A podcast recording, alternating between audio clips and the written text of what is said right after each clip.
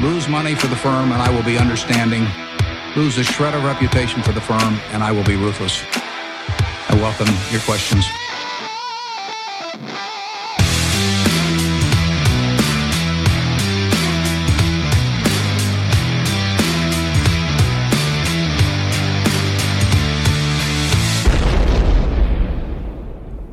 Välkomna till Kvalitetsaktiepodden. Det är jag som är Ola. Ja, och det är jag som är Klas.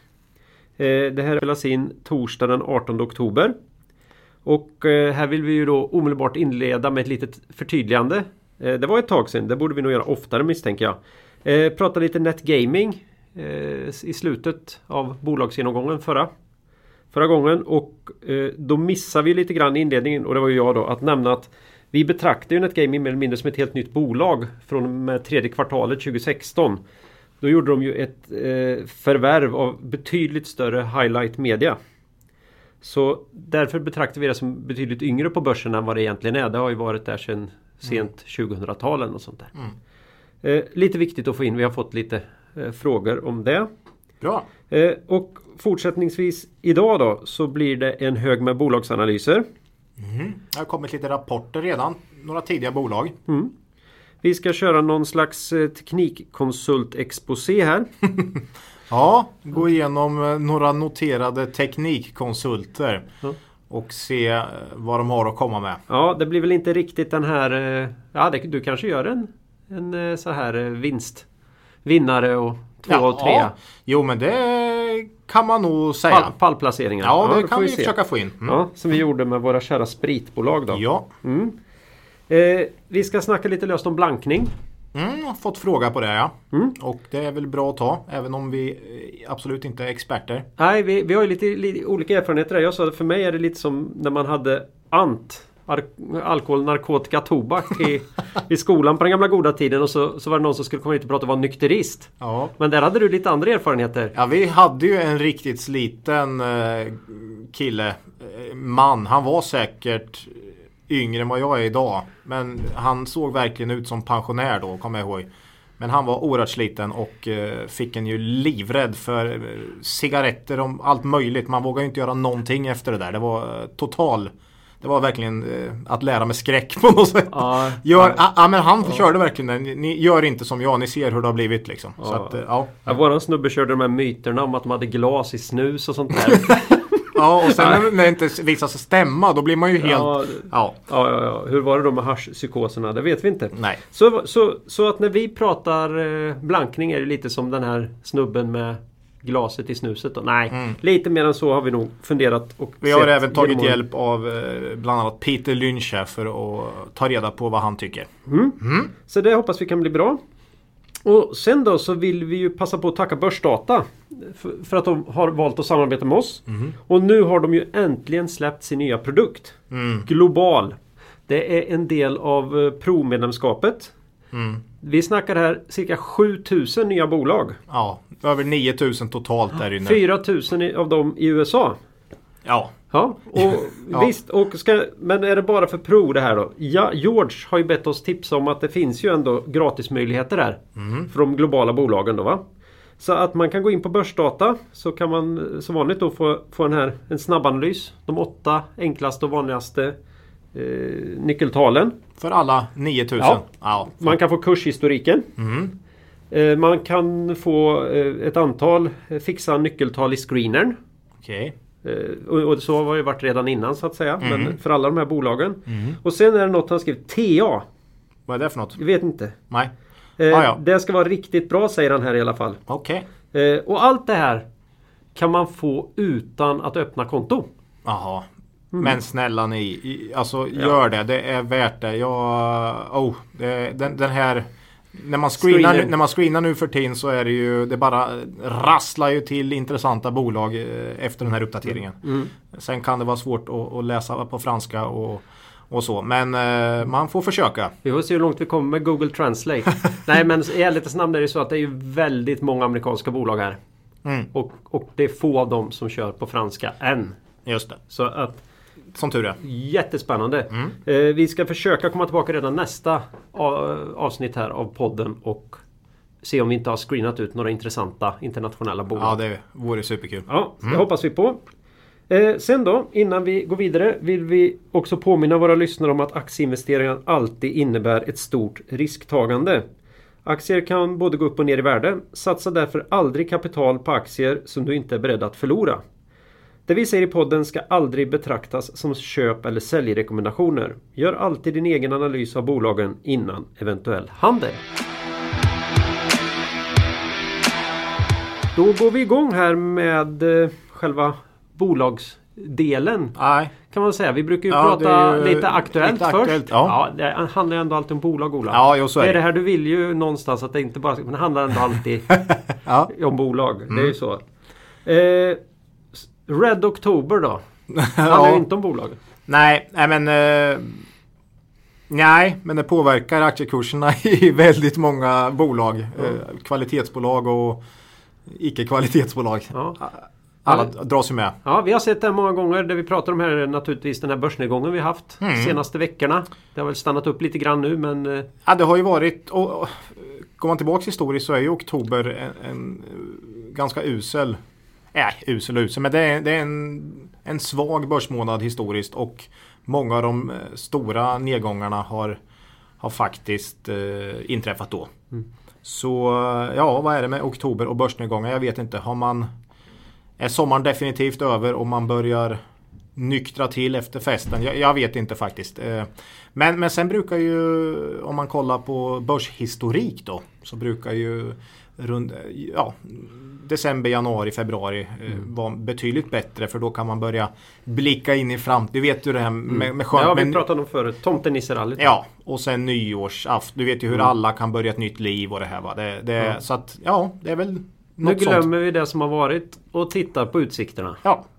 Så eh, vi får se. Men ja, det har varit lite skakigt här. Börsen var vi ner nästan 10% från absoluta toppen till eh, den ja, till botten. Mm. Så, men så kan det vara och eh, som vanligt eh, Stäng av bruset och Försök fundera på vad ni har för aktier i portföljen. Kommer de tjäna pengar imorgon också? Hur är de värderade? Har de bra balansräkning? Om, om, om de är lågt värderade och klarar sig i sämre tider och har en bra balansräkning då är det ju bara att somna om. Liksom. Det är inga, man behöver inte vara orolig då så att säga. Eh, Men har man mycket skräp i portföljen och mindre bolag som kanske inte har så bra lönsamhet eller till och med gör förlust då, då måste man ju ta sig en funderare tycker jag. Mm. Och det som har dragit igång mycket här, räntan har man ju pratat om och det ska inte vi göra utan vi pratar faktiskt om det som har nästan lett nedgången och det har varit de stora techjättarna i USA. Mm. Och eh, där har väl jag känt ganska länge att det har varit ansträngt eh, vad gäller värderingarna. Och även i vårat sommaravsnitt här, nummer 21, så pratar vi lite USA, techjättarna i USA.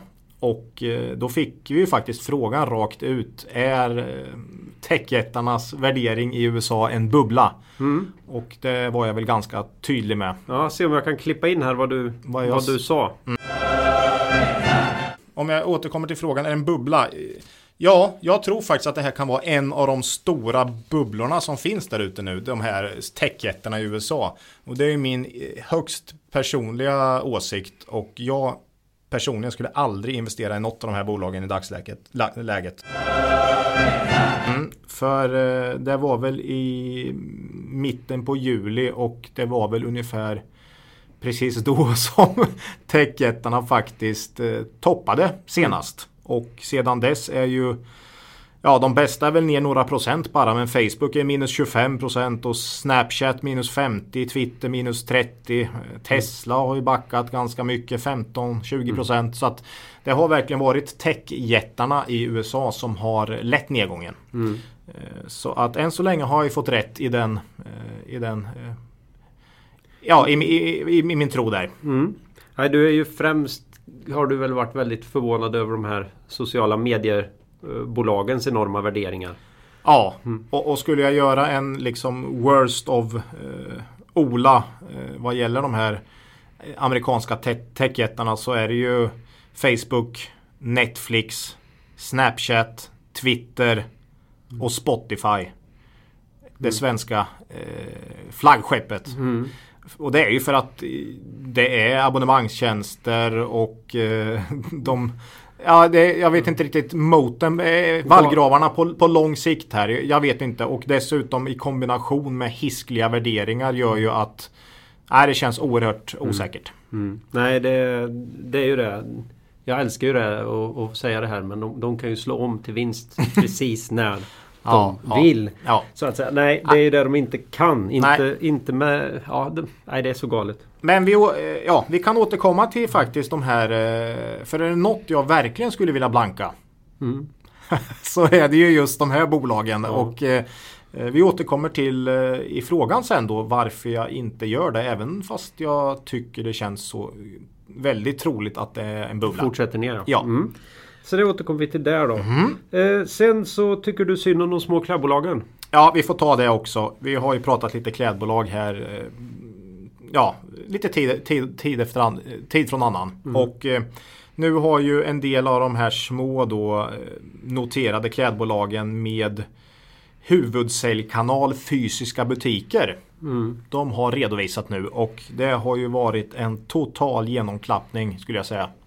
Över hela linjen. Vi har ju varit inne på det en del i podden och eh, tar man då det är MQ, det är Retail and Brands. Och Det är NK. Det är NK ja, mm. Polan och Pyret. Brothers. Eh, Ja, är med där också. Ja. Sen har du Venue Retail Group. Det är ju accessoarer med väskor. Ritz heter ju någon butikskedja och så. Och sen så har du Kappahl. Eh, De tre första där, MQ, R&B och VRG eh, redovisar förluster nu. I senaste kvartalet och Kappahls vinst halverades. Så vad man kan säga där är väl att eh, ja, det är tufft. Oerhört tufft för dem och det har ju vi varit inne på lite att det kanske är de sämsta förutsättningarna om man har inga egna eller lite egna varumärken och fysiska butiker. Pengarna rullar inte in som de ska. Nej. Det går inte bra nu. Det går inte bra nu. Nej. Så eh, ja, nej, se upp där alltså. Eh, Ska man lyckas med något så är det ju Ska man ha storlek tror jag och dessutom ha en tydlig online-strategi. Och eh, det ser jag inte riktigt här. Mm. Kappahl är väl där de här fyra som känns minst dåligt och det kanske är för att eh, kundgruppen känns som något mer trogen butikerna än, än övriga här. Men vi får se. Det är inga fallande knivar här. Det här är fallande symaskiner. Det gäller att inte bli krossad. när man Ja, ja. Ja. ja se upp. Se, ser upp. upp. Ja. Ja. Eh, det var det vi hade på Aktuellt. ja, det var inte så lite. Nej. Nej. Nej, med tanke på allt annat vi ska försöka ta oss igenom här idag så. Ja, det är en det- riktig mastig podd idag Ja. med, med, mycket, med mycket trevligt. Ja, det hoppas jag verkligen Mm. eh, att de tycker, våra kära lyssnare. Bolagsanalyser Ola. Mm. Lite, några lite längre och några lite kortare. Mycket rapporter. Rapporterna har gått igång. Ja, i början på rapportperioden nu och eh, vissa tidiga bolag. Eh, Vissa brukar köra den här att kvalitetsbolag rapporterar tidigt. Vi, Okomplicerade bolag. ja, kanske det. Men eh, några har rapporterat och vi ska ta en handfull här. ja. Och då tänkte vi ju börja då med en gammal poddfavorit här. Nilörn. Mm. Eh, och jag har ju alltid haft svårt att sätta en etikett på det här bolaget. Så att eh, du, får, du får berätta om vad som händer där Ola. Ja, eh, Borås och eh, hackar och sp- spadar, vi, vi, som vi brukar säga. Business to business eh, till framförallt kläd och modebranschen. Nilon är ju faktiskt, eh, eller Nilons produkter är ju i mångt och mycket det som gör att du kan identifiera kundernas varumärken. För vad är ett tygstycke utan logga och, och, och så? Ja, och samma sak om du vill ta betalt är det jättebra det sitter en prislapp på har jag märkt. ja, och eh, tvättråd och eh, men, men mycket är ju att bygga ett varumärke. Det är ju, handlar ju om knappar. Det ska ju inte vara... Det ska ju synas att det är Gant då, eller vad det nu är. Så eh, i mångt och mycket gör ju Nilörn varumärken av eh, tygstycken. Eller av sina kunders produkter. Det är inte, absolut inte bara kläder. Men, mm. Ja, frågan är, gör de det här något bra då Ola? Eh, ja, det har man ju gjort historiskt väldigt bra. Man ska komma ihåg här att Nilen har över tusen kunder. Eh, och de 10 största står för ungefär 35% av omsättningen. Så ett snitt på de 10 största ska alltså vara 3,5% av omsättningen. Alltså det, var, det här blev lite aktuellt nu för i förra veckan eller veckan så vinstvarnar väl en av deras, stör, eller deras största kund. Ja, vad heter de nu då? Det är, nej, det är inte viktigt. Nej, nej. Eh, men eh, då fick vi ju reda på det här ännu tydligare. Mm. Och marknaden också att de är inte så exponerade mot någon enskild. Just det. Och det är därför man inte kan dra med dem i den här retail döds grejen Nej. som många vill göra. Liksom. Superdry heter bolaget. Kom jag Där på kom det. Ja. Bra. Eh, och eh, det är förmodligen ett av de det kan vara deras största kund. Jag tror de sa att det var deras mm. största. Mm. Man gick ut och fick, man, han fick ju frågan där då. Då visste han ju såklart redan Q3-resultatet då. Men då fick han ju frågan om det påverkade. Och han sa att eh, kundernas realisation är inte, påverkar inte oss i samma grad. Och dessutom kan ju ett varumärke gå dåligt men Nilörn har ju alla. Mm. Så eh, du är inte utsatt för den moderisken på samma sätt eftersom de har alla varumärken. Och om kunderna realiser realiserar sina produkter så har det ju bara en marginell påverkan på Nilörns och det är ju att de förmodligen kommer vilja pressa priserna framöver. Eh, och det måste ju Nilörn klara. Som alla andra företag så måste du ju ha en effektivitetshöjning år efter år. Alltså du har ju en ekonomisk utveckling i samhället. Mm. Så uh, nej, Nilörn är nog mycket mer stabilt än vad man tror. Mm. Och Q3 här var ju allt annat än svag skulle jag säga. Den var ju omsättningen plus 19% och resultatet plus 25%. Mm. Jättestarkt. Då hade man i och för sig lite noteringskostnader 2017 så lite engångskostnader förra året att jämföra med. Mm. Men eh, oerhört starkt. Och man har en väldigt stark historik vad gäller tillväxt och lönsamhet. Lönsamheten är ju som en klocka. Och eh, VD låter fortsatt positiv. Bolaget är skuldfritt, man har ingen goodwill. Och eh, ja, jag uppskattar att man kan göra 6,75 ungefär i vinst per aktie för 2019. Och jag tycker någonstans här brukar jag gå över till nästa år. Eh, någonstans när man börjar närma sig mitten på Q4. För mar- alltså man måste 2018 är snart passé och det är det som också marknaden kommer fokusera på väldigt snart. Vad händer 2019? Och eh, här någonstans på det tycker jag det börjar bli riktigt relevant att prata 2019 istället för 2018 för det är mest historia så att säga. Mm. Och eh, ja, då har du P 12,5 ungefär på Nilörn. Och eh, du har en direktavkastning på cirka 5 mm. Väldigt bra.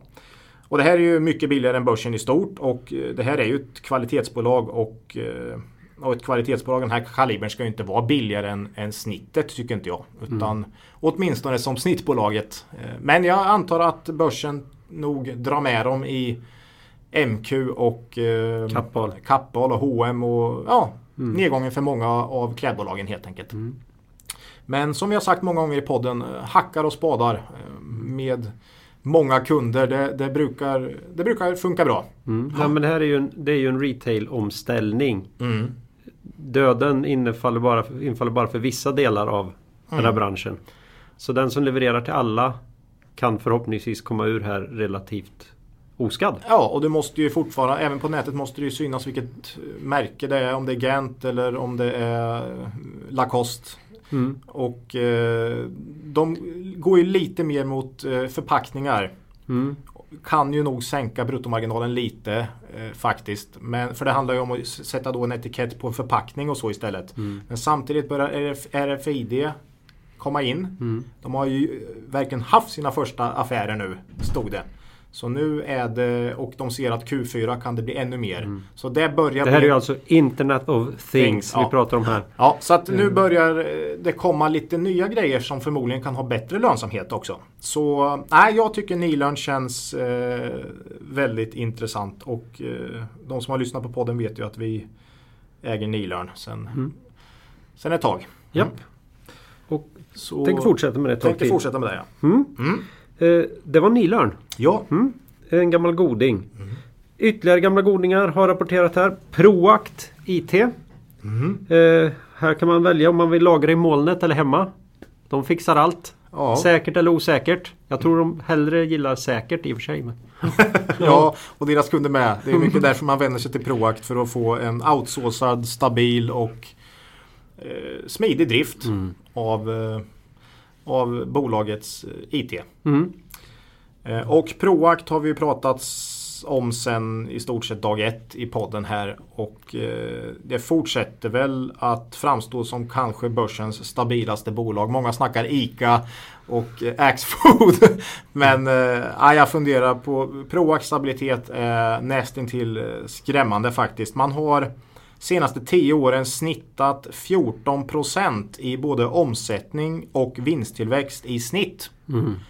Så hur mycket tror du att vinst per aktie ökade med i Q3 Klas? Ja, jag gissar ju att det är 14 procent. 14 procent. Ja, man ligger där och eh, som en klocka verkligen Proact. Och eh, vad ska ett bolag ha som ökar vinsten med 14 procent per år i snitt väldigt stabilt? Ja, inte P11 i alla fall. Nej. För det är precis vad Proact har nu på en förväntad vinst för 2019. Ehm, Det är Ja. ju helt otroligt lågt för ett sånt kvalitetsbolag som växer så pass bra. Ja, vi har ju några gissningar ändå vad det är som kan tänkas dra ner dem. Det är ju dels då eh, gamla storägaren här som lämnar dem för är det ett år sedan i våras. Ja, och eh, ordförande. Ordförande, ja. ju också. Mm, mm. Mm. Och sen... Det, eh, det drog ju ner aktien. Det Ja. var ju helt tydligt att det var det som skrämde. Men, men det, det, den rädslan borde vara förbi nu. För det har ju fortsatt väldigt bra här. Men Ständiga vd-byten. ständiga vd-byten. Ett bolag där det är helt meningslöst att lära sig vad vdn heter för du, du har ändå ingen aning. Liksom. Nej. Nej. Och, Du har ju haft lite teorier om just det där med Ja, vd-bytena. men det är, det är ju inte underbyggt överhuvudtaget. Jag bara konstaterar att ofta när det ser ut så där så är det för att det finns en så fruktansvärt stark grupp. Alltså ledningsgruppen är så stark. Mm. Så, så VDn blir liksom halvt överflödig i vissa bolag på något sätt. Då. Ja. Och då gäller det att hitta sin roll då. Mm. Det kan ju vara för gå in i förvärvsbitarna eller sådär. Men, Och Proact har ju en historik av att förvärva en del. ja. Så jag, jag, jag, jag har ingen aning. Det kan ju vara ren slump. Jag tror ju mer på det här att VDR om de får En normal VD brukar ju säga Vad vill du med, din, med, ditt, med ditt yrkesliv? Jag vill ha utmaningar. Det, det är nog en väldigt vanlig fråga för en driven VD. Men här verkar det ju vara Det verkar ju knappt finnas.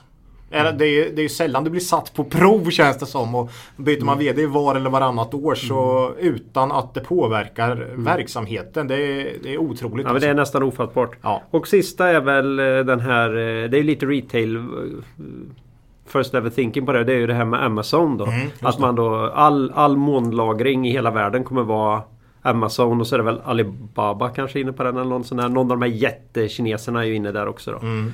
Eh, och det där är ju trams naturligtvis. Det är klart att det finns ju alltid en, en ledare. Mm. Och det får vi ju konstatera att det är Am- Amazon. Mm. Eh, men det finns ju så mycket mer. De är partner med Amazon, Proact. Ja, de har ju högsta partnernivån med Amazon och det har de ju med Microsoft och Dell och Cisco och de här också så att jag vet inte. Nej, De jag, får äta vid samma bord. Ja, de får äta vid samma bord. Ja. Mm. Så att, eh, men jag tror att den finns där. Man Jag ser den lite grann i en del Ja. forum och sådär. Att eh, ja, det gick bra nu men vänta bara. Nu kommer, Nu nu kommer kommer Amazon. Amazon. Och sen har vi ju hela den här Amazon är ett amerikanskt bolag med amerikanska servrar väldigt mycket. Nu bygger väl de så att de får servrar i Europa också. Men Mm, fortfarande är det väl många som tror att de delar med sig så att säga av Mm. det som amerikanska myndigheter vill ha. Det är väl inte osannolikt. Nej. Så att eh, där har ju också Proacten eh, en enorm fördel. Så Mm. att säga. De är inte bundna av något sånt. Nej, nej, men eh, man funderar all, alltid på hur kan det vara P11 Mm. på ett sånt bolag om man försöker hitta och hittar man inget som man tycker är så att säga ett giltigt skäl. Då måste man ju köpa som värdeinvesterare. Mm. Men man ska ju ändå fundera på varför marknaden handlar det så. Ibland kan det faktiskt vara så att det är ganska oupptäckt. Ibland kan det vara ägarsituation och så vidare. Men ja, eh, billigt tycker vi det i alla fall. Eh, man har nettokassa. Precis som Nilörn väldigt bra balansräkning och Trots en enorm förvärvshistorik. Ja, precis. Och eh, jag trodde faktiskt att aktien var på väg att få liksom ett, en uppvärdering förra året. För då steg faktiskt aktien eh, ganska fort och upp till 220 kronor.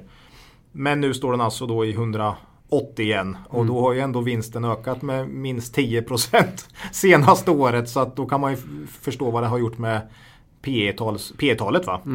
Eh, och dessutom då om man både Proact och Nilörn så har ju faktiskt förvärv varit eh, Det har ju funnits historiskt mm. så att det skulle ju kunna vara dags för båda dem eh, i och med att de har väldigt bra balansräkningar.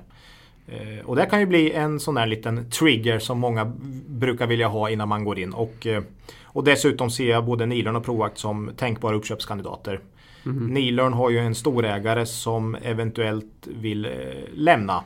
Mm. Och med det priset som aktien har idag så är det ju inte otänkbart. Och Proact är ganska herrelöst till viss del då ja, bra kassaflöden och riskkapital har faktiskt börjat röra sig in i aktien har jag sett. Mm. Så ehm, ja, vi får se. Ja, och ja, transparensmässigt, vi äger ju Proact. Också. Vi äger både Proact och Nylörn. Mm. Mm. Eh, kommer vi till ett bolag vi inte äger för närvarande. Det har mm. varit kul att gjort en period. Nu är vi glada att vi inte gjorde det kan man säga. Mm. Nederman. Mm.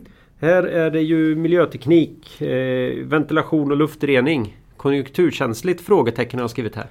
Eh, ja, i alla fall senaste lågkonjunkturen där efter 2008-2009 så havererade ju marginalen fullständigt. Eh, gjorde det ju. Eh, men Nederman ser jag som ett jättefint bolag och det har ju vi ägt till och från över tid.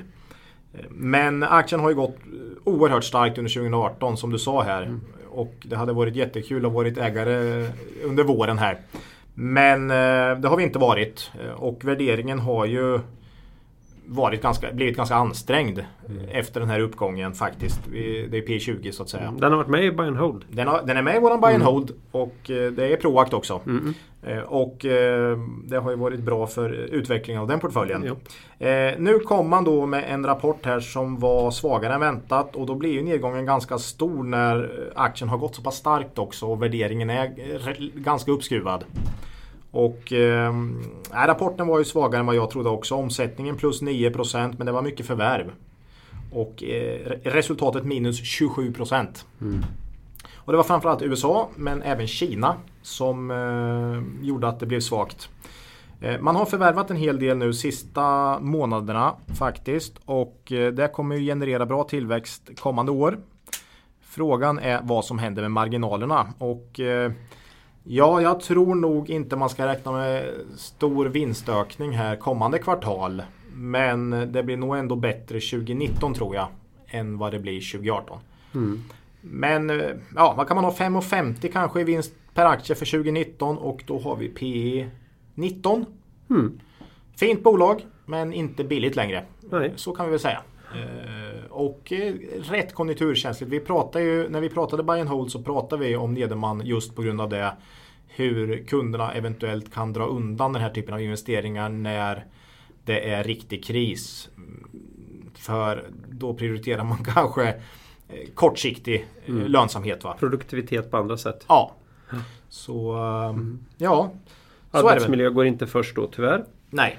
Eh, nej. Så att fint bolag men inte sådär jättebilligt längre. Nej. nej. Nederman. Mm. Eh, nu ni blir det Duni igen. Eh, prata Duni. Ganska nyss. Ganska nyss. Mm. Ta en liten supersnabb recap där. Ja, det, det, var ju, det fortsatte ungefär som vi pratade om där att massapriserna har stigit här och eh, det gör ju att marginalerna fortsätter drabbas. Eh, omsättningen fortsätter öka fint. Medan marginalerna gick nu från 10,5 till 8,1. Och eh, man sätter in krafttag här för att återkomma då till lite bättre marginaler. Helst över 10% som man har haft historiskt. Mm. Um, Q4 lär bli sämre än förra året på resultatsidan då.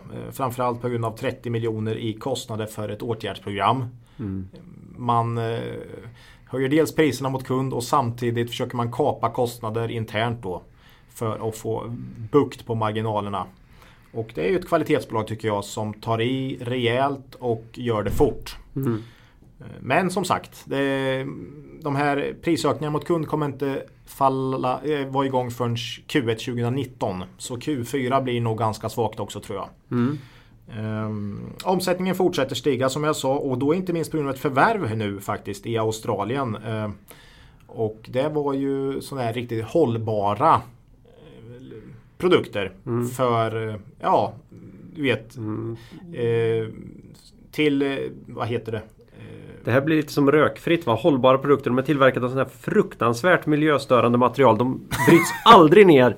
De håller i ev... Nej, nej, Nej, men det, det är ju så här... eh, Miljöhållbart så att Ja, säga. de har ju sådana take away produkter men, Ja. men i väldigt miljövänliga material. Ja, ofta handlar det om vad de är gjorda av och hur de bryts ner. Mm. Vilka rester du får kvar. Om det går att återvinna och så vidare. Ja, och man gjorde ett sånt förvärv precis här nu. Det Mm. var substantiellt faktiskt. Så eh, jag tror Nilörn verk, eller Duni verkligen vill röra sig mot det här med hållbart. Mm. Och vi, för vi pratade lite om det här med plast och, och så när vi pratade Duni. Ehm, det här gillar jag generellt eh, Duni. Jag, jag tycker det är ett oerhört fint och stabilt bolag. PE är nu 15 kanske på 2019 års vinst. Ehm, nu blir det ju säkert lite sämre här i Q4. Jag tycker man ska hålla koll på Duni men ja, vi får se hur det blir i Q4. Marknaden kanske inte riktigt klarar av en lite längre marginalsvacka här. Så då kanske man kan komma in billigt. Mm. Ehm, Om man har förtroende för bolaget så. om man, får, för att, eh, om man har förtroende för ett bolag som då tappar marginal från kanske 10 till 8. Och känner man, har man förtroende och tror att de här åtgärderna kommer leda till att man kommer tillbaks dit. Och aktien samtidigt tappar. Då, då, då kan man ju få en match där man känner att nu har jag tillräcklig mar- mar- säkerhetsmarginal. Mm. Så eh, håll koll på Duni säger jag. Eh, det kanske kan bli eh, ett köpläge här. Mm. Mm. Om marknaden tappar sugen. Mm. Nej. Det är jättespännande bolag för Ja. värdeinvesteraren. Mm. Eh, Duni där. Eh, En annan gammal favorit får vi väl säga. Eller favorit men ett bolag vi har haft uppe mycket tidigare. Där vi ville se lite grann vart tar det här vägen. Mm. Byggmax rapporterar idag. Ja, det var väl senast i det här Billigt men bygg eh, avsnittet tror jag här före sommaren. Mm, vi har nog inte Och då Närmat pratade Byggmax om den extremt kalla och långa vintern. Nu pratar man om den extremt varma. sommaren. Mm. Nej, det, det kan inte ha varit ett superroligt år för de här Mm. bolagen. Alltså det, Det de- blev inte rätt någonstans. Nej, liksom april var snötäckt och smällkallt. Sen bara small det till på två veckor och så var det liksom Högsommar. tropisk hetta. Och, ja, nej, det, det, det, jag, jag, jag kan köpa det i år faktiskt. Jag brukar verkligen inte gilla det här snacket med... Säsongs... Nej. Extrema säsonger. Men i år, i år får man nästan... eh, nej, till viss del i alla fall. Tycker jag. Man får ha överseende med lite svaga resultat. Ehm, omsättningen minus 6% och vinsten minus 20% i Q3. Och som sagt, juli var inget roligt. Så då, har- då har ju naturligtvis den här slaktats på börsen idag. Nej! Nej, Den är plus 15%. just det. Ja, så är det. Och eh, varför? Ja, jag tror nog att en stor anledning faktiskt kan vara att skånska byggvaror verkar ha vänt. Eller åtminstone bottnat ur. Man försöker transformera det här in till en eh, ja, trädgårds... Ute- verksamhet, uterumsverksamhet ja, Ja, uterumsverksamhet. Och det verkar ju börja bita nu då i marginalerna. Omsättningen ner och sen... Omsätt, ja. Alltså det, det är ganska intressant tycker jag. Omsättningen är 33% i skånska byggvaror medan resultatet fördubblas. Så man har ju skurit bort olönsamma delar här. Helt klart. Ehm, intressant. Eh, känns som att Byggmax kanske har bottnat då, då resultatmässigt här och kan börja öka vinster eventuellt. Och det här är ett gammalt fint kvalitetsbolag som jag har gillat under lång tid. Eh, alltså den kvalitetsstämpeln fick ju en rejäl törn här. Och det har det ju fått senaste åren. Framförallt med här förvär- de här förvärven man gjorde var ju oerhört illa. Eh, Nu har man ju en ny VD och han kan ju inte beskyllas för det.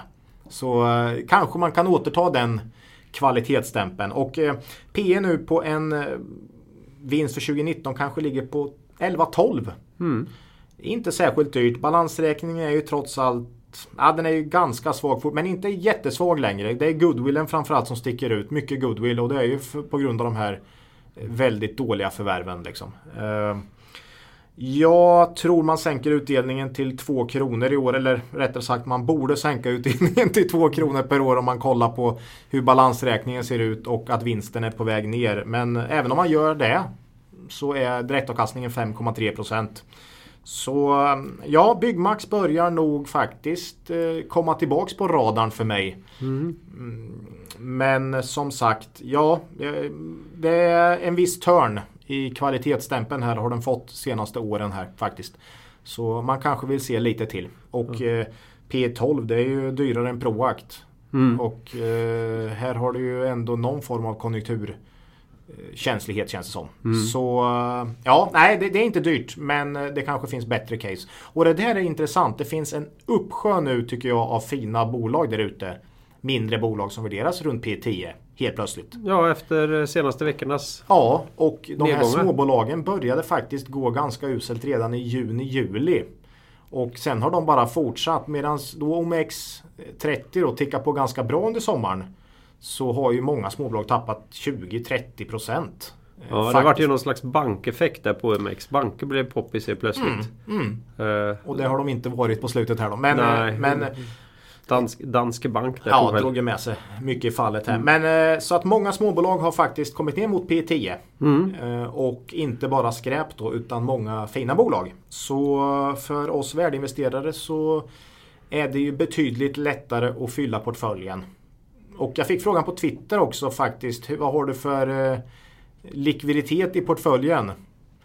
För de hörde på något avsnitt i våras där jag sa att vi bara hade 30% investerat. Och det är ju ungefär omvänt nu skulle jag säga att man har 70% investerat och 30% likvida medel istället. Då. Mm. Så det har, vi har ju ökat och det är beroende på en ganska stor nedgång i många bolag. Mm. Mm. Men fortfarande vill vi ha lite torrt krut här för det kan alltid bli billigare. billigare. Ja, mm. så är det. Eh, vill jag åtminstone ta oss igenom eh, rapportperioden här och se vad mm. som händer. Och kanske fylla på i dem där det känns bäst. Mm. Eh, Byggmax. Ja, Intressant. Ja, det var aktuella rapporter. Mm. Då är det dags för en av våra bejublade specialer Ola. Du har eh, tagit och kikat över Teknikkonsulterna. Där har vi fått mycket frågor om. Mm. Eh, och eh, lite olika storlek på de här. Du har valt ut fyra stycken som du tycker är relevanta kvalitetsbolag. Mm. Jag har valt en ordning här. Det är kanske är bättre att du berättar i vilken ordning du vill ta dem. Så kan jag introducera dem. Jag tänkte ta dem i storleksordning. Och då börjar du alltså med Sweco. Ja. Ja, om du börjar från det hållet. Mm. Mm. Jag börjar med Sweco, sen mm. OF, sen Railers och sist men inte minst, jo minst, eh, Eurocon. Men inte minst intressant kanske? Nej, nej. Du skulle säga. och Eurocon har vi fått frågor på så att det här blir ju lite svar på alla de som har frågat om det här bolaget. Railers är på gränsen till kvalitetsbolag får jag säga men eh, på grund av en fantastisk historik här och ett av mina huvudaktier faktiskt mellan 2004 och 2000 nio mm. så kommer de med. Men eh, oerhört tuffa år bakom sig nu. Mm. Mm. Se om de kan återhämta sig då. Ja. Då börjar vi med ÅF. Eh, det är alltså... Sweco sa vi. Nej, då börjar vi med Sweco. ja. De var ju störst. Det här är large cap. Eh, omsätter nästan 18 miljarder. Mm. Eh, väldigt stor andel av tjänsterna säljs ändå i Sverige. Mm. Mm. Eh, ja, vi har ju två jättar här då. Mm. Sweco och OF. Och eh, de är ju oerhört lika faktiskt och jämförbara. Mm. Skulle jag säga. Kan nästan ta dem samtidigt här. Men vi, vi börjar med Sweco. Eh, eh fin his, historisk tillväxt. Eh, en stabil lönsamhet runt 8% ebit-marginal. Mm. Inte stora svängningar sista 10 åren. Väldigt små svängningar. Man har 15 000 anställda. Eh, och det här blir mer nu då en, jag kommer mer jämföra de här fyra bolagen mm. utifrån parametrar faktiskt. Mm. Och inte så mycket snacka detaljer om exakt vad de gör utan alla servar ju, har ju någon form av, inte IT först och främst utan mer ingenjörer. Eh, ingenjörskunskap som man hyr ut då. Mm. Eh, eller ja, konsulta på. Ja, och mm. projektledare och ja. Och Exakt. experter i olika projekt ja. av olika slag. Mm, som man hyr ut då mm. som, mm. som konsulter. Mm. Eh, som jag sa, 15 000 an, eh, anställda. PE 20 mm. för 2019. Eh, PS 1,4. Mm. Eh, balansräkningen nettoskuld genom ebita 1,5 40% soliditet och ganska mycket goodwill. Så inte någon superbalansräkning. Mm. Och det beror ju på att en väldigt stor del av, av Sweco, nej egentligen Sweco, OF och Railers. De förvärvar ganska mycket. Det är ganska lätt att förvärva just eh, personer ju. Mm. Du, du, du förvärvar ju in andra konsultbolag helt enkelt. Så att alla, det är ju en del av deras verksamhet helt enkelt och förvärva. Så att ja, man har ganska svag balansräkning. Direktavkastning på 2,4 procent. Mm. Eh, när jag lyssnar på de här siffrorna så känner jag spontant att det är för dyrt och eh, Ja egentligen både ÅF och Sweco värderas historiskt, historiskt högt nu. Mm. Sweco dock högst. Ja, och det är lite spännande för att gå händelserna något i förväg så är det väl så att eh, Price per sales här är ju omvänt mot hur man tycker de borde vara. De minsta bolagen har lägst värdering mot sin, Mm. mot sin försäljning och de som är absolut störst och absolut svårast att växa har högst Mm. värdering på sin försäljning. Och det här är väl lite så att om man får travestera andra poddar, så, så kallade toppsignaler när man förväntar sig att det som har gått bra historiskt måste fortsätta att gå fruktansvärt. Ja, Bra. så att det, det, det, det känns Så brukar vi tänka. Mm. Men många tänker nog stabilitet och Värderingen kommer upp när du kommer upp på large cap. Mm. Eh, för då är det många som hittar bolagen helt enkelt. Eh, Mm. Så det- och, och stabilitet, så Mm. är det ju. Ett mindre bolag har ju lite mer ryckighet. Men samtidigt kan de ju växa oerhört mycket snabbare såklart. Mm, Men där är ju en stor skillnad. Sweco är ju ändå väldigt mycket Sverige. HF är ju, har ju en helt annan Mm. Mer inter- europeisk. eh, mer europeisk prägel. Och borde då ha lite lättare att växa och parera Mm. lokala konjunkturer och sådär. Eh, spännande. Ska vi, ska, vi, OF? hop- ska vi ta OF då? Ja. ja. Mm. Det här är ju också large cap då. De omsätter ju ynka 13 miljarder då. Det är ju för dåligt alltså. Mm. De levererar tjänster i Norden och sen ytterligare cirka 30 länder. Oj, oj. Stora i Spanien bland annat Ja, tror jag. jag tror de har en del i Ryssland också. Och Ja, eh, runt om i Mm. Europa. Ja. Eh, OF har också en mycket fin eh, tillväxt och historik. Eh, Du vet vad OF står för va? Ångpanneföreningen. Ja, det är så underbart. Mm. Varför heter de inte det? Nej, jag vet inte. Det är för tra... Ja, nej, det är synd. OF eh, har varit ett av mina favoritbolag under långa tider faktiskt. Gillar det jättemycket och eh, har inte riktigt uppskattats av marknaden. Men eh, senaste fem åren har ju verkligen kursuppgången hängt med också. Mm. Förvärv är en viktig del av bolagets utveckling och man gör egentligen, det är flera förvärv varje år.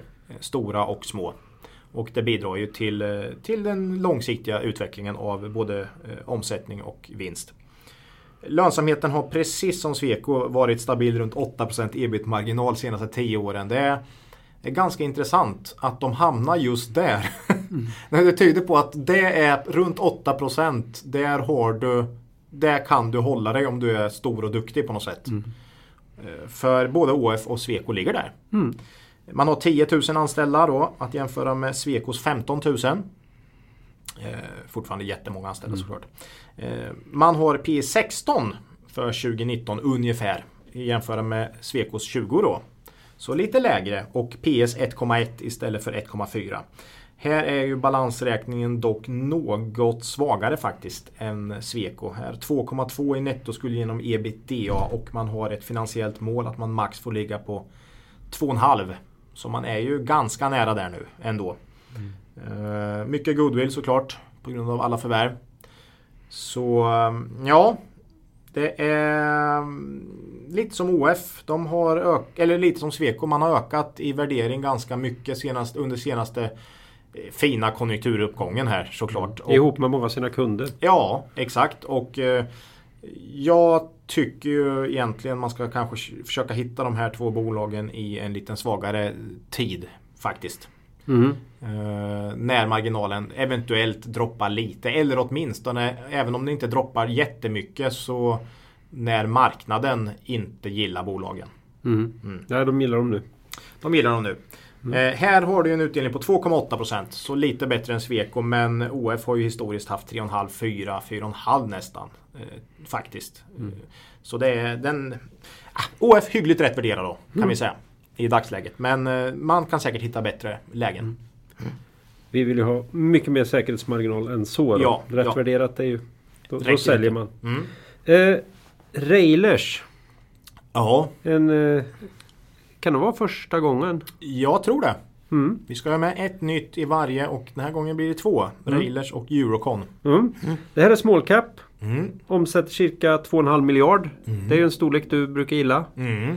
Eh, de har huvudfokus på Sverige, Finland och Norge. Mm. Och försöker väl lite försiktigt jobba sig utåt därifrån så att säga. Såg Mm. någonstans att Baltikum var intressant för dem. Mm. Eh, ja precis, omsätter 2,5 miljarder, betydligt mindre alltså.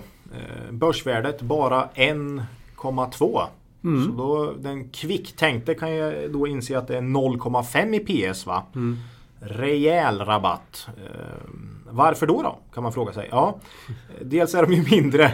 Fa- Faktum är här att Railers fram till 2012 hade man nog bäst historik av, av alla teknikkonsulterna. Mm. Det gick bra. Nej, det var oerhört välskött och växte väldigt fort. Peter Reiler rattade skutan på den tiden. Och ehm, just 2012 faktiskt bytte man VD. Och eh, då började det gå sämre. Sen kom Peter tillbaks och nu har man bytt igen. Så ehm, ja, han har inte heller faktiskt lyckats vända på det när han kom tillbaks här. Och eh, Ja, eh, efter 2012 är min uppfattning att man fokuserat allt för mycket på tillväxt. Man ville hålla den här 25-30% årlig tillväxt och man hade satt upp mål på antal anställda ett visst år. Man köpte oerhört mycket och eh, det här har varit totalt katastrofalt för lönsamheten helt enkelt. Eh, nyemission så sent som 2017. Det här är ett bolag som inte ska med i kvalitetsaktiepodden egentligen om man kollar på historiken sista åren. Men eh, jag tycker ändå på grund av historik för länge sedan och att vi ändå gör en benchmark här inom eh, teknikkonsulter så tycker jag ändå det ska med va. Eh, VD Peter Eiler lämnar nu vid årsskiftet faktiskt. Eh, och sist han gjorde det då var då eh, början på den här långa svackan. Nu tror jag man har fått in en VD som man tror och hoppas på och Peter har väl alltid haft, eh, känns som att han inte vill eh, vara VD längre utan att han kanske vill vara en, en eh, sitta i styrelsen eller så. Mm.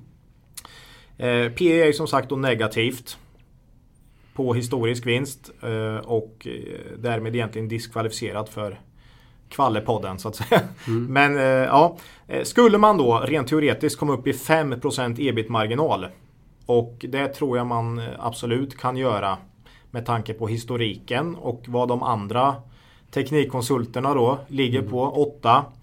Eh, Då skulle PE landa på 13. 2019 då. Ja. Mm. Eh, alltså med oförändrad omsättning jämfört med nu ungefär då.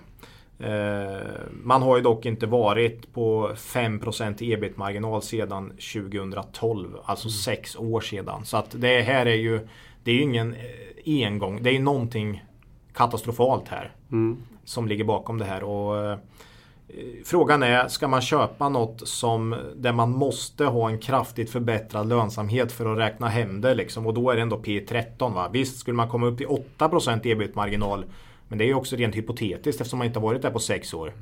Men kommer man upp dit till, till där Sweco och OF ligger, ja då är det liksom, då är det P8. Då är det riktigt billigt.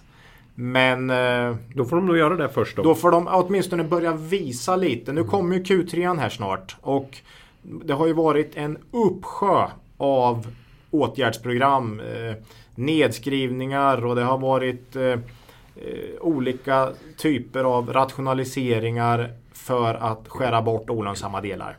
Någon gång borde ju det sluta kan man tycka och borde börja ge resultat. Och kanske, kanske kan det göra det i, eh, i Q3. Vi får se. Eh, Railers kan man hålla koll på såklart. Som ett långsiktigt case. Men eh, just i dagsläget så är man ju långt ifrån något kvalitetsbolag. Ja, vi kan säga att det här är ingen fallande kniv utan den ligger på marken. Ja, så frågan är då om eh, man kan plocka upp den va. Eh, Men alldeles för osäkert fortfarande och jag, jag vill se att åtgärderna biter innan det här kan bli aktuellt. Och eh, jag har inte ens, jag har inte sett det än.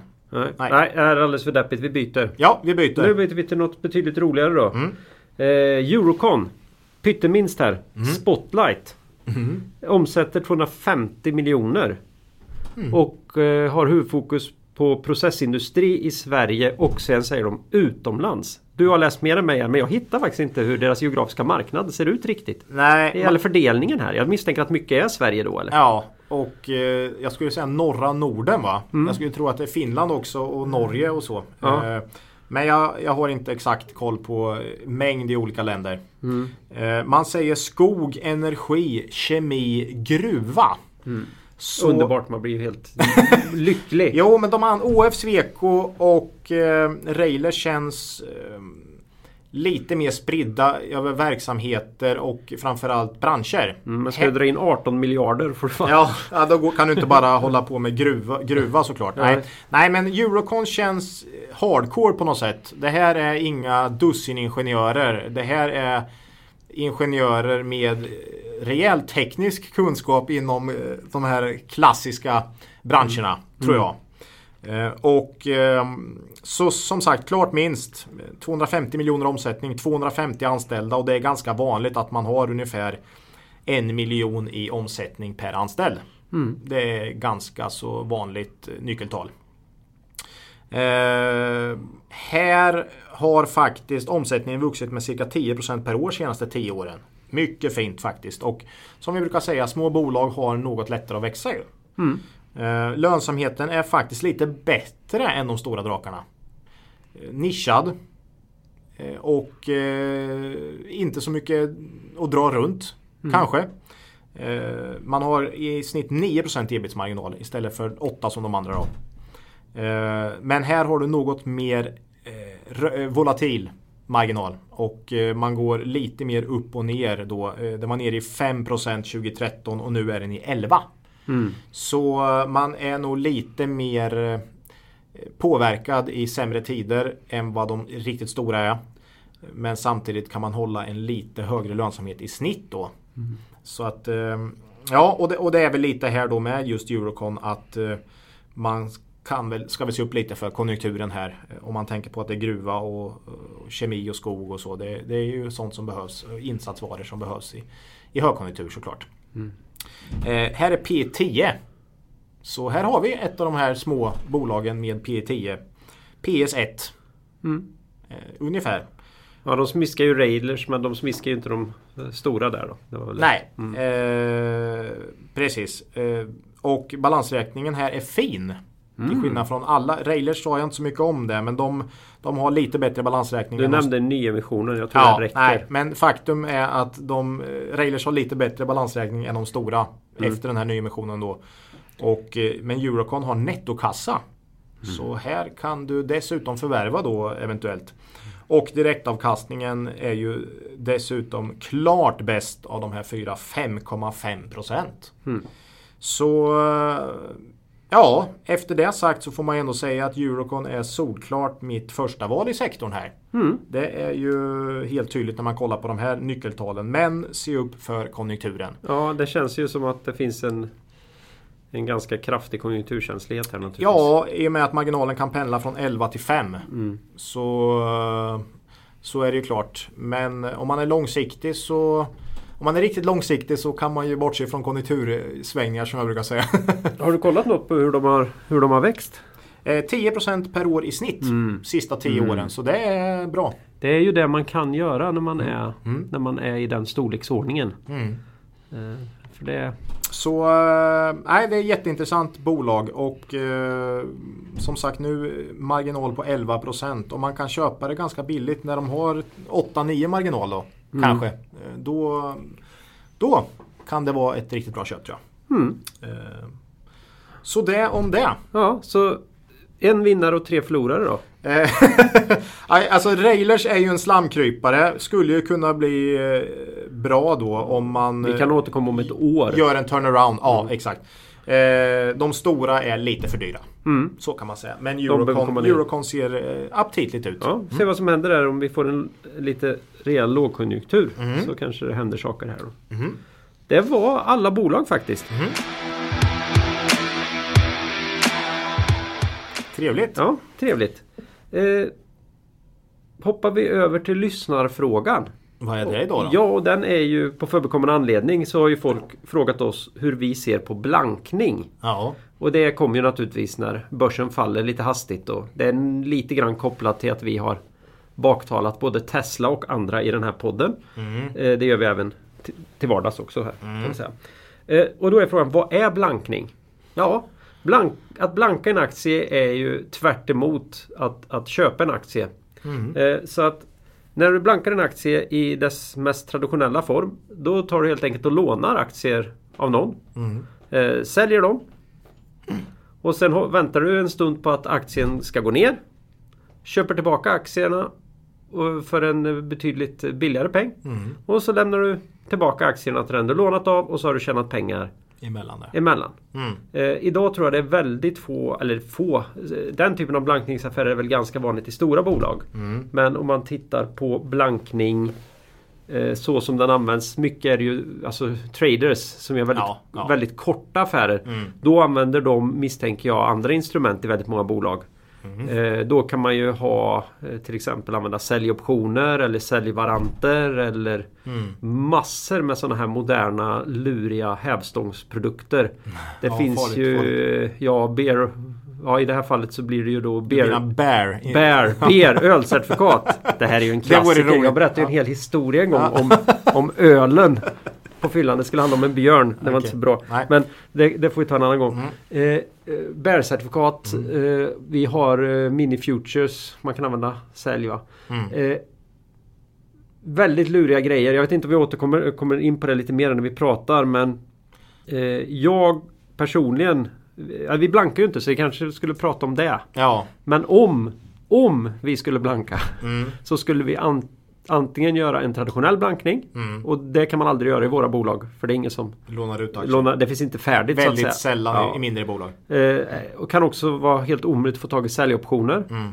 Och då är sista, sista vägen ut där är ju varanter och det är lite samma där. Mm. Så att eh, förutom då att vi inte blankar Mm. så är det ju svårt att blanka. Mm. Eh, kan man säga utan, utan att ta väldigt stor risk då i de Ja. här Ja, så är det ju. Hävstångsprodukterna. Ja, och för att återkoppla lite det vi pratade om i början på programmet här med, med FANG då, eller de här stora techjättarna. Där har ju jag verkligen man, man får ett sug då och då att eh, liksom, jag vill ta en position, en negativ position. För det här är så galet liksom. Det är väl, det är väl främst eh, Snapchat och Tesla som vi har känt det Ja, fullständigt. Fa- Facebook, Netflix, Ja. Snapchat, ja, Twitter Ja. Mm. är också. Men, men, men och Tesla. Eh, det finns ju mycket där man skulle känna att det här är inte hållbart. Eh, och då, från tid till annan kommer det där upp. Jag, Mm. jag, jag kommer ihåg de här Precise Biometrics och Fingerprint senast. Mm. Det var ju hela den eh, biometri-håsen för några år sedan på börsen. Då var man ju väldigt sugen också. Men eh, ja, varför gör vi inte det för då? Ja, det är ju för att Mm. det är exakt samma sak som att belåna sig. Mm. Det finns ingen egentlig skillnad. Nej. Om man bara funderar lite på det. Så finns ingen skillnad i den risk du tar. För grejen är ju den att lånar du pengar till att köpa aktier Mm. eller blanka så tar du precis samma risk Mm. att förlora mer än vad du har satsat. Ja, eh, fördelen när du köper en aktie, precis ett vanligt aktieköp, är att du kan förlora 100%. Mm. Eh, Om, du har använt dina egna pengar. Om du har använt dina egna pengar.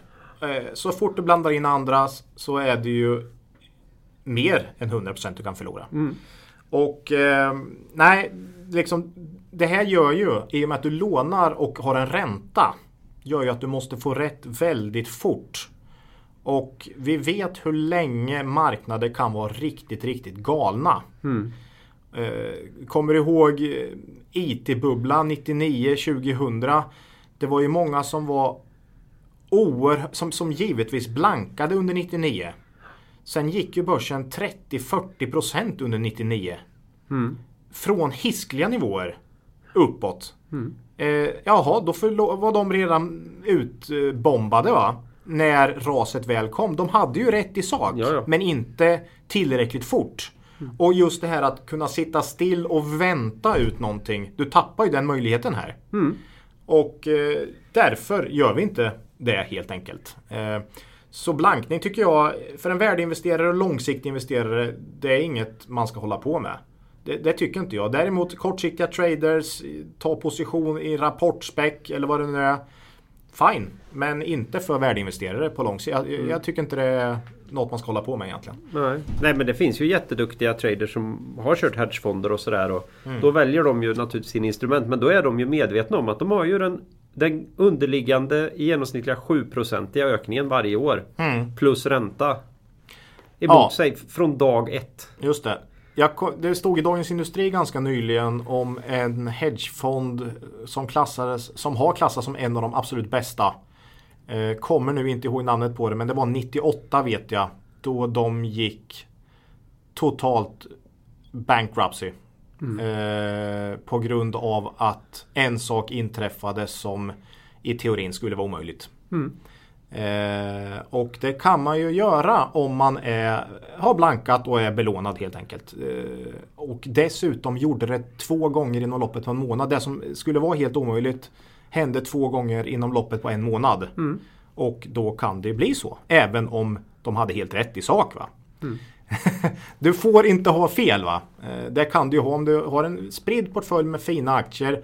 Då kan du ha fel i två, tre, tre fall här va. Men ja, du får inte ha fel helt enkelt. Nej. Jag kommer inte ihåg, jag får återkomma i kommande podd om eh, namnet på den här eh, hedgefonden.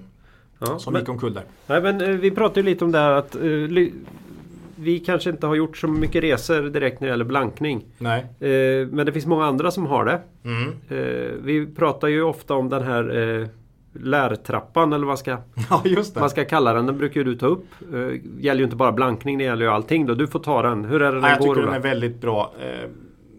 Dumma personer brukar man säga. Dumma personer. Ja, brukar ju då inte lära sig av sina egna misstag. Man gör om dem gång på gång på gång på gång. Normala människor, dit kan väl kanske du och jag räknas förhoppningsvis, Hoppas. Hoppas. eh, lär sig av andras misstag. Och då har man ju vunnit oerhört mycket. Nej, man lär sig av sina misstag. Förlåt, man lär sig av sina misstag. Om man, man gör ett misstag en gång, mm. eller hur? Och sen så de, de riktigt eh, smarta, briljanta människorna. Och det är väldigt svårt. Mm. För man, de flesta behöver göra sin, ett misstag själv helt Mm. enkelt.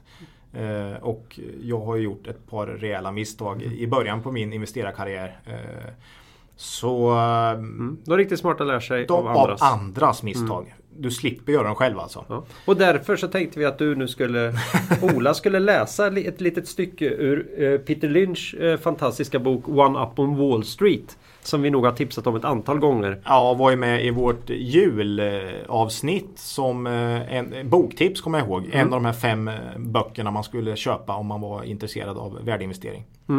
Jo, han har skrivit några kort, eller han har skrivit vad är det? En, hela hans bok då på 300 sidor här så består två sidor av eh, blankning. Det säger väl lite grann. Ja. Tar han upp här. Jag läser några små rader från det bara. Eh, boktipset. Nina, Nina, Nina, Nina, Nina, Ja. Nina. Uh, the scary part about shorting stocks is that even if you're convinced that the company is in lousy shape, other investors might not realize it and might even send the stock price higher. Eh, och det där är ju lite som de här eh, seriefigurerna eller tecknade filmerna va, när de går ut för klippan va. Och så, Ja, de och så- springer ut där De och- springer ut men de, de ramlar inte ner förrän de inser att är i luften. Eller hur va? Nej. Så att det är lite den. Mm. Eh, Det bara fortsätter. bara det kan fortsätta hu- hu- hur länge som helst. Ja. Va? Och ligger du då med en blankningsposition som drar ränta hela tiden så, så kan det bli riktigt smärtsamt. Han fortsätter här. Eh, none of us is immune to the panic that we, we feel when a normal stock drops in price. But that panic is restrained somewhat by the understanding that the normal stock cannot go lower than zero. If you're shorted something that's going up, you be- begin to realize that there's nothing to stop it from going to infinity because there's no ceiling on a stock price. Infinity is where a shorted stock always appears to be heading. Säger han lite ironiskt här. Eh, och eh, man måste ju kunna stå emot det där då om man ska blanka. Eh, för den känslan kommer förmodligen infinna sig. Du tycker något är helt galet.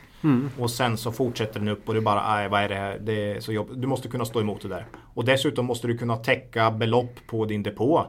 För desto mer den går åt fel håll desto mer säkerhet måste du in med då. Så att, eh, Nu hade inte han kortat här eh, vår vän Einar Ås men vi tog upp honom. Ja, just sistens den här eh, han, Norske han, krafthandlaren, Han va? i kraft i el. Mhm, Eh, han, han handlade på en spread där och det blir precis samma sak då i och med att han eh, handlade i terminer. Där måste du alltid kunna täcka din termin så att säga. Mm. Det, det är ju inte bara ett löfte utan en skyldighet om att kunna utföra själva affären i slutändan. Då, så Mm. en, en, en slags option kan man säga fast Ja, optionen är ett slags termin. Ja, Eh, där du inte är skyldig så att säga att, att behöva gå i leverans utan en option blir bara värd noll. Eh, så av alla de instrument som finns om man vill ta en kort position så är väl ändå säljoptionen den den rimligaste för du blir aldrig av med mer än det du har nej. satt in. Så det. Så, så ska man hålla på med de här dumheterna så Ja, och Einar Men de är så svåra att få tag i. Einar Rås blev ju också wiped out då, ska vi säga. Ja, något så fruktansvärt. Och eh, för bara att svara på frågan vad tycker ni om blankning? Nej. Kan vi väl säga. Bara. Fast vi tycker ju, vi blir, är så extremt attraherade av det. Ja, Man ja. och jag förstår ta... att väldigt många, alltså det känns väldigt lockande när du ser något som är helt galet. Men... eh, Ja, Nej, men, eh, tänk vad vi hade om man, om man många av de här eh, lite modernare mm, eh, derivaten som finns att använda. Mm. De har ju sådana här knockningar i sig. Man blir utknockad så att Ja, säga. det, så just vi hade ju knockats hundra gånger om i Tesla. ja, i Tesla. Ja, det är ju helt kört. Du, precis som man säger. ja, De ja. Så är det. fortsätter upp. Och hade jag tagit eh, blankningspositioner i de här stora Ja, gått negativ då eh, När vi hade den här podden i somras Då hade jag ju faktiskt tjänat pengar men Det hade lika gärna kunnat varit så att det hade dröjt ett år Mm. Och sen hade det börjat en nedgång och eh, då hade jag förmodligen Ja, varit ganska så eh, Täck, då hade du täckt dina positioner och Ja. ställt in semestern. Ja. Mm. så att eh, när blir ju att ha rätt eh, fort är ju helt avgörande här och det vet man ju aldrig. Mm. Såklart. Ja. Så är det. Eh, det Svar på var, den frågan. Det var blankning. Mhm. Citatet då?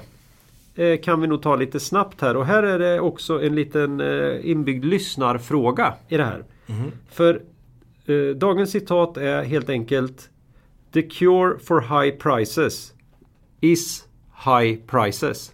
ja. Och vi vet inte vem som har sagt det här från början. Det används jättemycket. Mm. Men någon måste ha klämt ur sig det här från start. Mm. Så ni lyssnare ute som vet vem eller vilka det är får jättegärna mejla oss.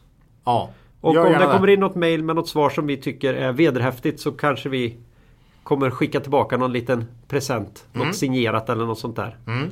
Någon liten bra bok eller något sånt. Ja. Ja, först till kvarn där. För det är För det vore jättespännande att veta vem som har sagt det här. Ja, det är ju, jag, för jag gillar verkligen det.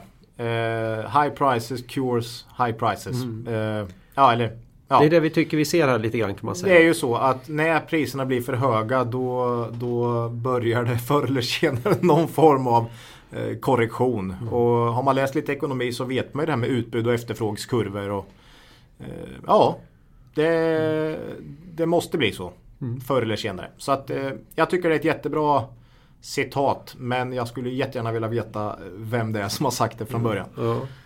Nej. Nej men det är ju det här att eh, höga priser kommer förr eller senare Korrigeras. korrigeras. Mm.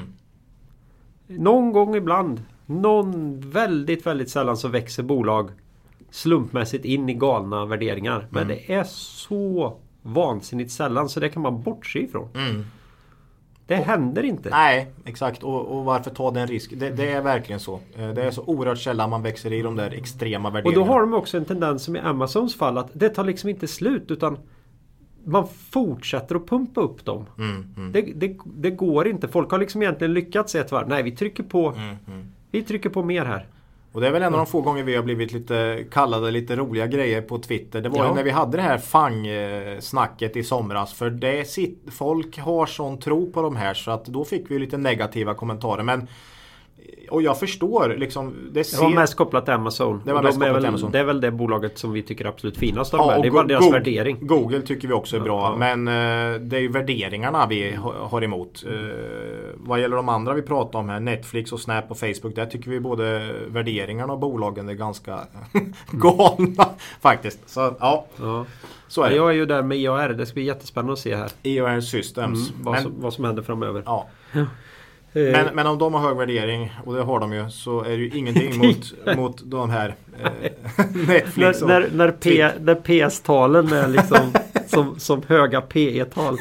Det är, Ja. så, det är så galet. Ja, det är Ja, sjukt. är det roligt? Ja. Ja, så är det. Mm. Eh, så det var den.